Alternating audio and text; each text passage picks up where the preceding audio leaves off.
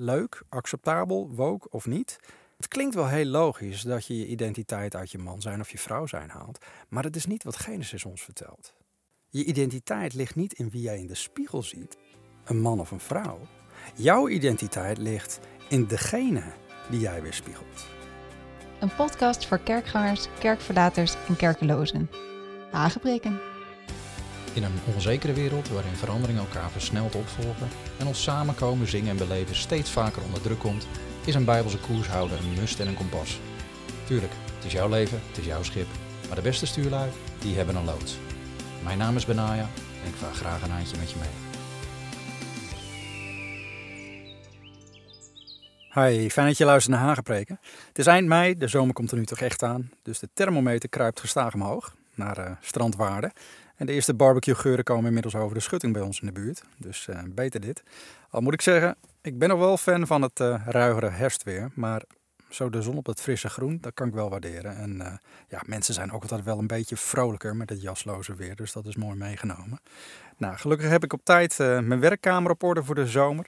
Waardoor ik in elk geval s'avonds laat opname kan maken, mocht dat nodig zijn. Want podcasten vanuit het bos, zoals ik het afgelopen jaar heb gedaan is met dat zomerzonnetje wat lastiger. Omdat iedereen en zijn hond uh, letterlijk met dit mooie, uh, mooie weer hier uh, de natuur opzoekt. Dat is logisch natuurlijk ook, maar vanwege mijn nou ja, motorcruisende en mountainbikende medemens moet ik dan wel heel vaak de opnames stoppen. En dat, daar baal ik wel eens een beetje van.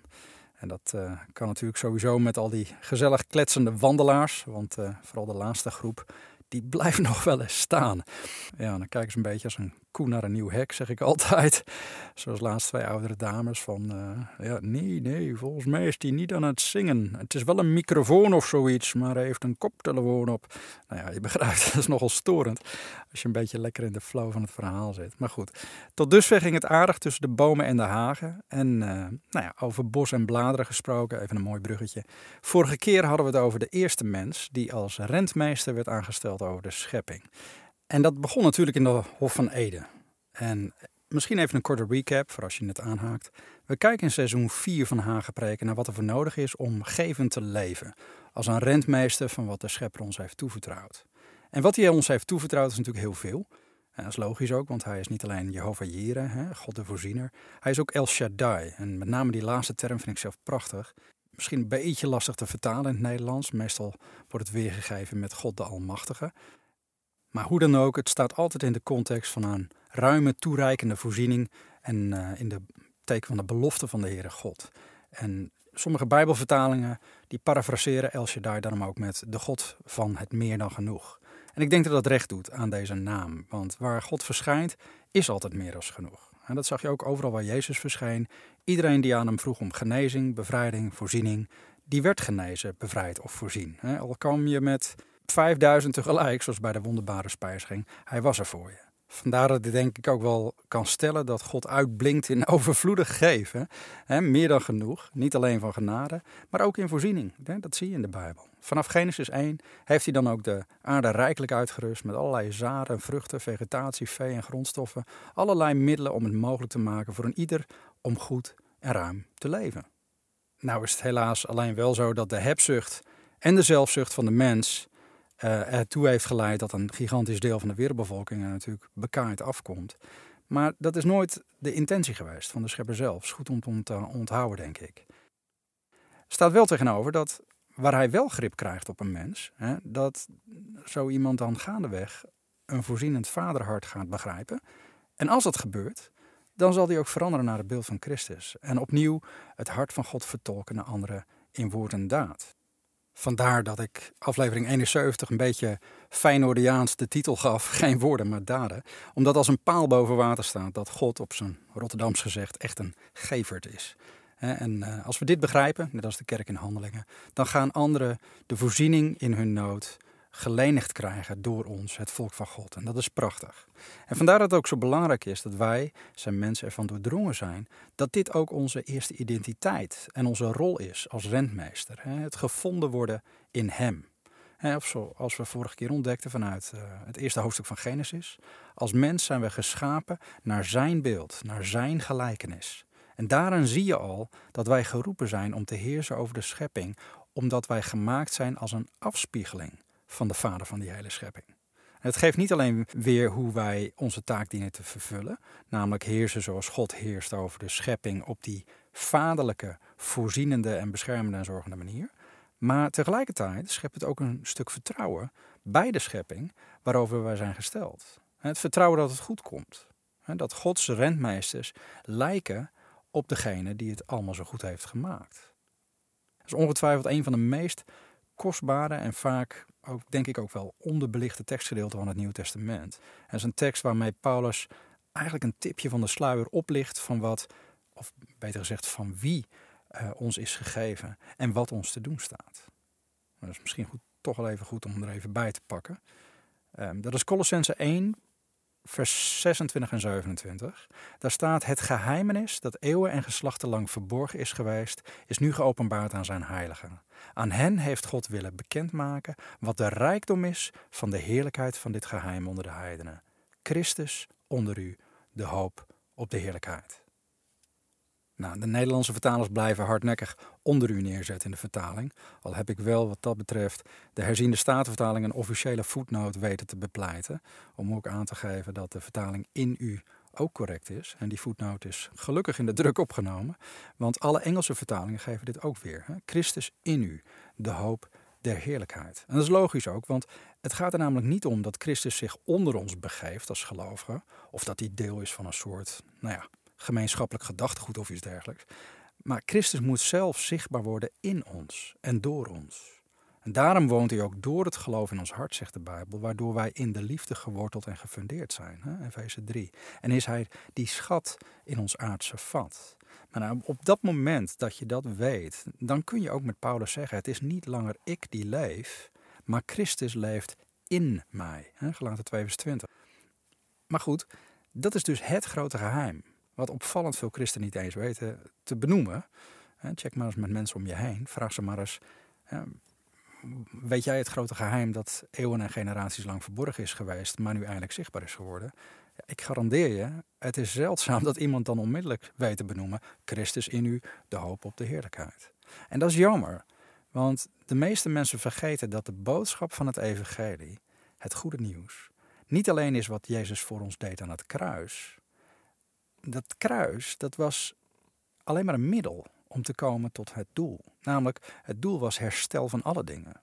Zodat wij deel konden worden van een koninkrijk van God. En dat is wat de Heer Jezus en de discipelen ook predikten. Het evangelie van het koninkrijk. Zelfs voor de kruisiging. Lees de evangelie er maar eens op na. En natuurlijk begrijp ik wel dat het principe geldt van... hé, hey, potje breken, potje betalen. Anders gezegd, de schepping lag aan diggelen door onze zonde... en de prijs om dit te herstellen is inderdaad voldaan aan het kruis. Maar het doel was niet de prijs betalen voor de scherven. Het doel was een heel hersteld potje. Een heel nieuw vat waarin een schat kon worden bewaard. Een schat in aardevaten. En daarom is het juist zo belangrijk dat dit geheim jouw deel wordt. Vooral voor ons rentmeesterschap. Want als Christus in ons zichtbaar wordt, ja, dat geeft de burger om ons heen moed. Dat geeft vertrouwen, dat schept geloof. Dat is stap 1, de basis. Het fundament van ons rentmeesterschap om te leren leven, om te geven. Veranderd worden naar zijn beeld doordat Christus in je woning maakt. Maar er is meer. Vorige keer lazen we Genesis 1 en daar stond: God schiep de mens naar zijn beeld. Naar het beeld van God schiep hij hem. Maar dan staat er: mannelijk en vrouwelijk schiep hij hen. Ja, dan denk je misschien: wat heeft dat nou met rentmeesterschap te maken? Maar dit deel is minstens zo belangrijk. En daar wil ik dit keer eventjes met je naar kijken. Nogmaals, ten eerste staat er dat hij de mens schiep naar zijn beeld, lijkend op hem. Het zo vader, zo zoon principe zou ik zo wat zeggen. En dat je in het kind de trekken en het karakter van de vader herkent. Maar het kind is natuurlijk niet hetzelfde als de vader. Je kan alleen wel zien wie zijn vader is. Op die manier. Maar dan staat er mannelijk en vrouwelijk schiep hij. En daarmee komt een heel mooi en volledig plaatje naar voren wat onze rentmeesterschapsbasis betreft.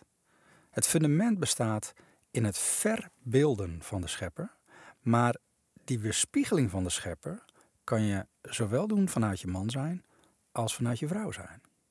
En dat is prachtig. En dat laat ook direct zien dat zowel mannen als vrouwen van waarde zijn en elkaar nodig hebben om God goed te kunnen laten zien aan de schepping om hem heen.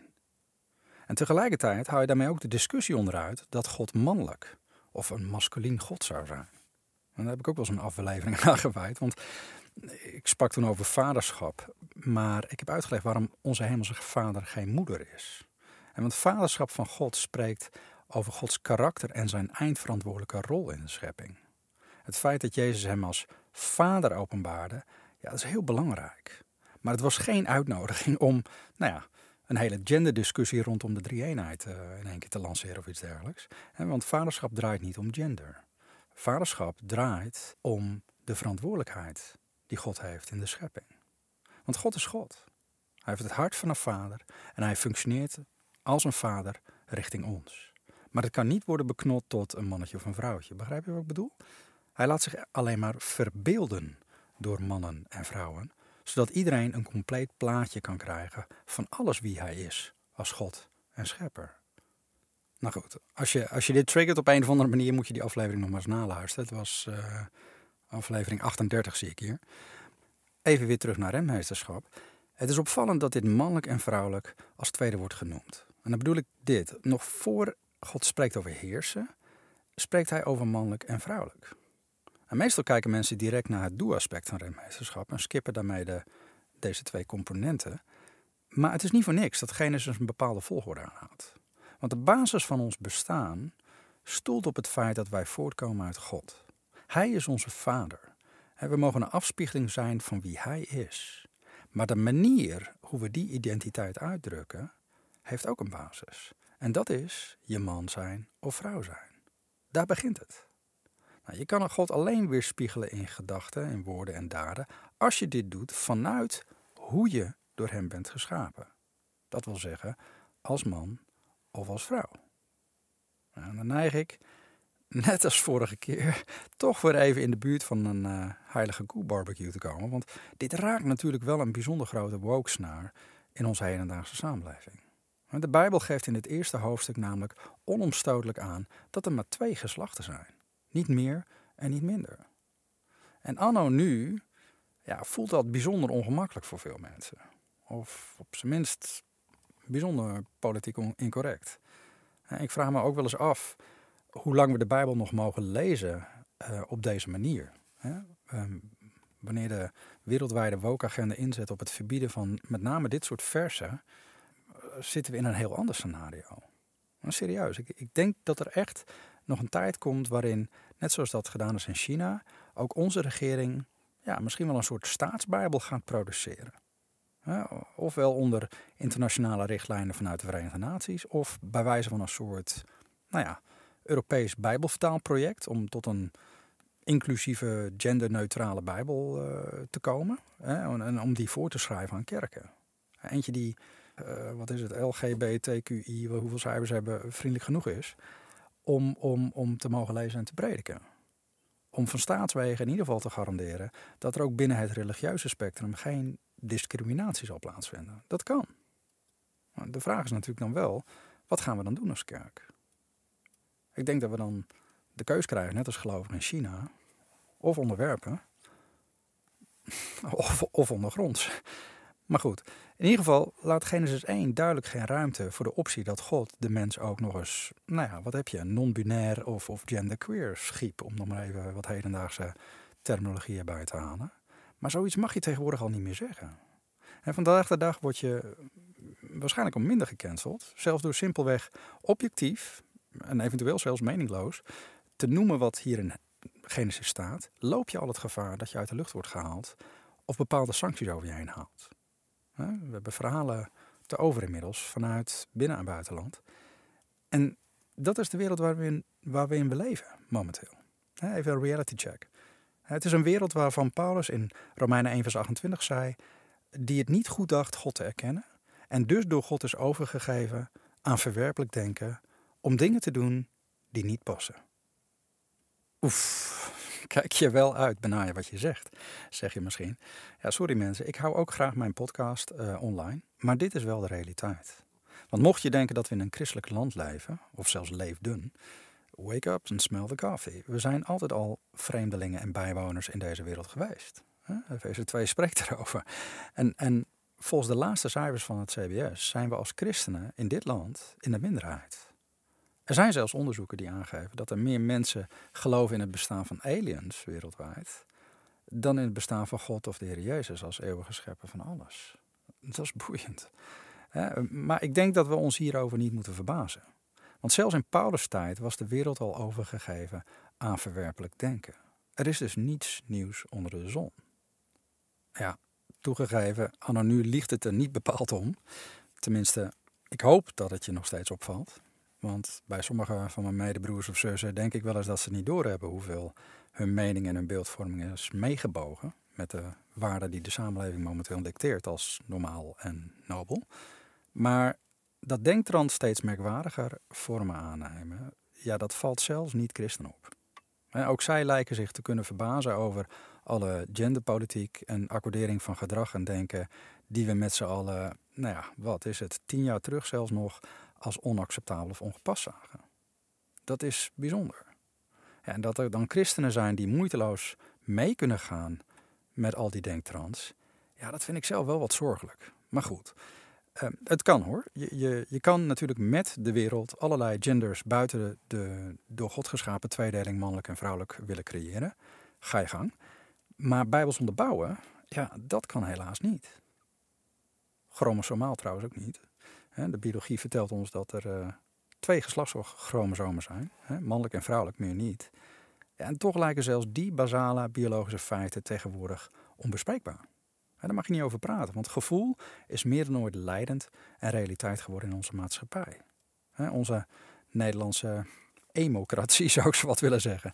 Uh, desalniettemin, het blijft een feit. Mensen zonder gender, wat ze tegenwoordig een agender of een postgender noemen, of mensen die zichzelf aanduiden als genderfluid, hè, dat is iemand die steeds weer wisselt van gender, ja, die zijn zowel chromosomaal als bijbels gesproken niet mogelijk.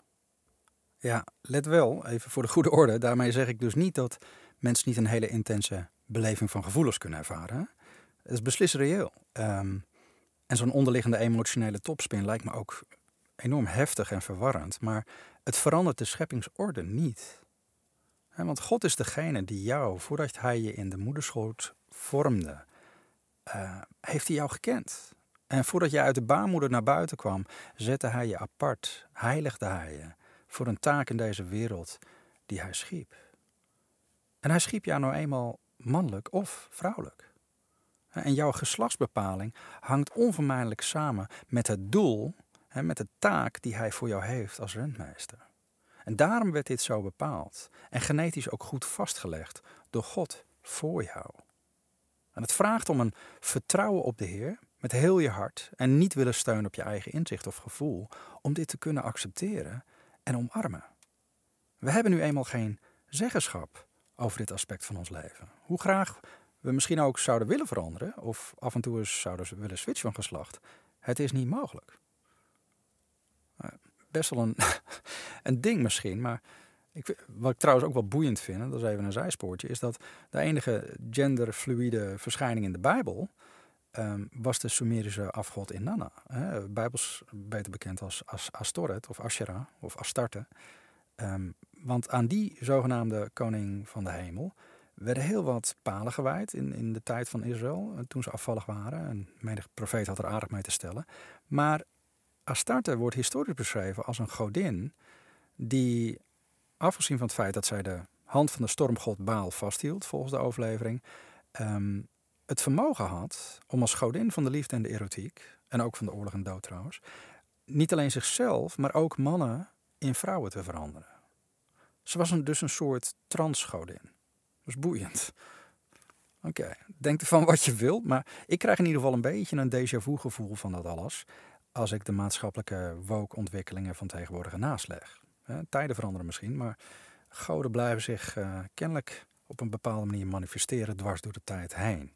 Maar dat konijnenpaadje zal ik verder niet in het bos volgen. Maar waarom noem ik dit? Ik hoop dat je nog even bij me blijft, want ik ga hier ergens mee heen. Misschien lijkt het wat warrig. Maar ik noem dit alles eigenlijk vooral omdat het te maken heeft met waar wij onze identiteit in vinden in dit leven. Vooral omdat het aantal mensen dat zich anders wenst te identificeren dan dat ze zijn geboren, toeneemt. En dus verdient het onze aandacht. Ook de aandacht van de kerk. En nu is het wel zo dat, ondanks de enorme publiciteit rondom dit thema in, in de media, politiek en onderwijs, het bijzonder is dat we het eigenlijk nog over een, over een relatief klein percentage van de bevolking hebben die wil afstappen van hoe God zich wenst te verbeelden door hun heen in de schepping. Maar dat er iets aan de hand is, ja, dat is wel duidelijk. En dat die groep gaandeweg ook groeit, dat is ook aantoonbaar. De hele um, genderidentificatie, dat hele fenomeen, heeft een enorme vlucht genomen in de afgelopen jaren. En, en krijgt ook, ja, vind ik persoonlijk, buitenproportioneel veel aandacht. En dat is niet te zeggen dat er soms niet werkelijk iets aan de hand is. Maar laten we wel even bij de feiten blijven. Het percentage van mensen die bij de geboorte dusdanig verminkt ter wereld komt dat chirurgen soms moeten besluiten een hersteloperatie uit te voeren om, om in ieder geval zo'n kindje een kans te geven op een normaal functioneren. Dat percentage is bekend en blijkt dus redelijk klein, namelijk 0,02% van de bevolking. Ja, in zo'n geval ja, kan je niet anders. Hè? Dan besluit men een, een geslachtskenmerken van zo'n babytje anatomisch te reconstrueren hè, tot een man of of een vrouw. Op basis van het residu van het aantal ja, aanwezige componenten, geslachtsorganen en urologische mogelijkheden. Maar de aanleiding daarvoor is dus radicaal anders dan de reden tot geslachtsverandering op latere leeftijd, zoals die wordt uitgevoerd bij iemand die zich identificeert als transgender. En ik vind het belangrijk om dat te noemen, want de reden dat dit soort operaties worden ondergaan op latere leeftijd ligt vooral in de vorming van een zekere, nou ja, een, een transgender bewustzijn. Iets wat tegenwoordig natuurlijk wordt aangewakkerd door alle media. Um, maar dat laatste heeft wel meetbare gevolgen. Want volgens een wereldwijd onderzoek uit 2021, waar trouwens maar 27 landen meededen, zou gemiddeld 2% van de wereldbevolking zich als trans identificeren. Maar opvallend genoeg was een jaar later hetzelfde percentage, in ieder geval in Amerika, al gestegen naar 5%. En dan heb je het al over, wat is het, 1,6 miljoen Amerikanen die zich als transgender identificeren. Ja, lekker belangrijk, denk je, wat doet dat in Hagepreken? Maar daarmee wil ik aangeven, meer aandacht en exposure naar allerlei vormen van genderidentificatie heeft dus als gevolg dat meer mensen zich ook daadwerkelijk anders wensen te identificeren. En juist dat aspect, hoe je jezelf identificeert, is relevant in het licht van de tekst die we in Genesis 1 vers 27 lazen.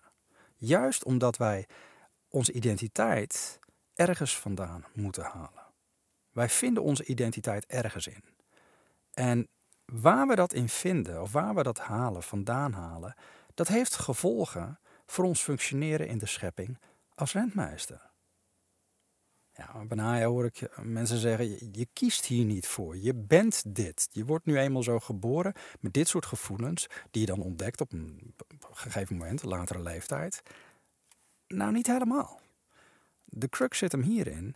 Mensen die zichzelf als transgender of gender diverse zien, zijn volgens nou, bijvoorbeeld een bekende medische site Mayo Clinic mensen, ik citeer even, die een andere genderidentiteit verkiezen dan het geslacht wat hun is toegewezen bij de geboorte, of zich uitdrukkelijk anders wensen te identificeren of uit te drukken dan de twee bekende geslachten mannelijk en vrouwelijk.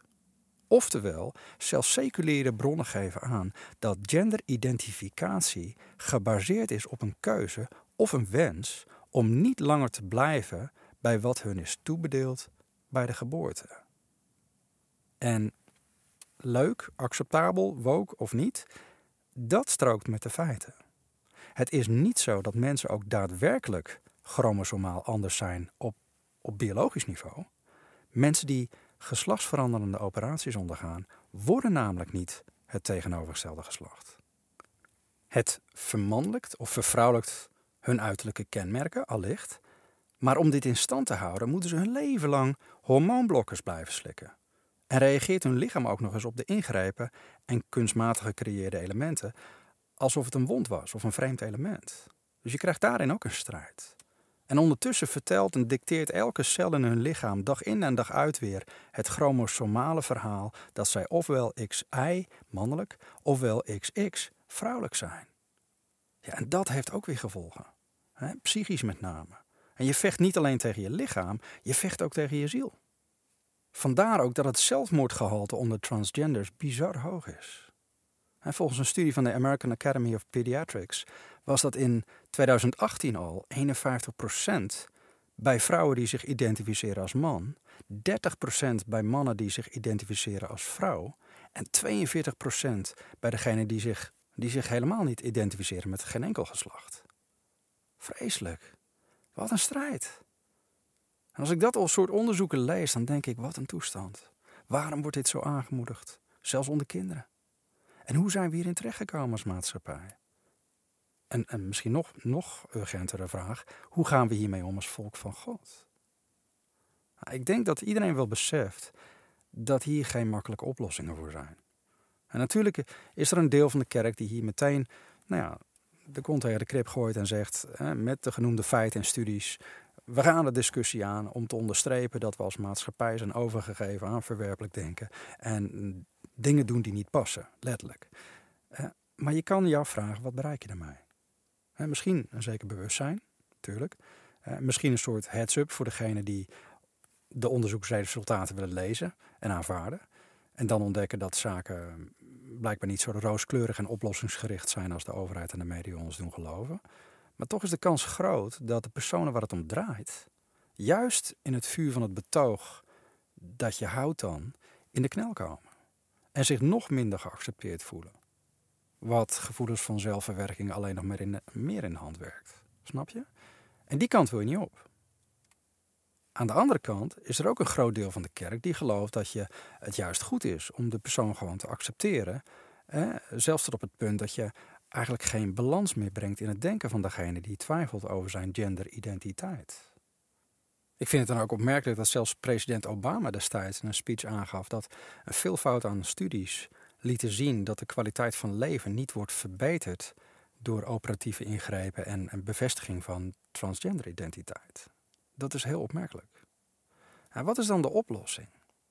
ten diepste geloof ik dat de oorsprong van ons wezen, van ons bestaan en ons functioneren als mens in God is. En zoals de psalmist zei, al mijn bronnen zijn in u. En zo is het.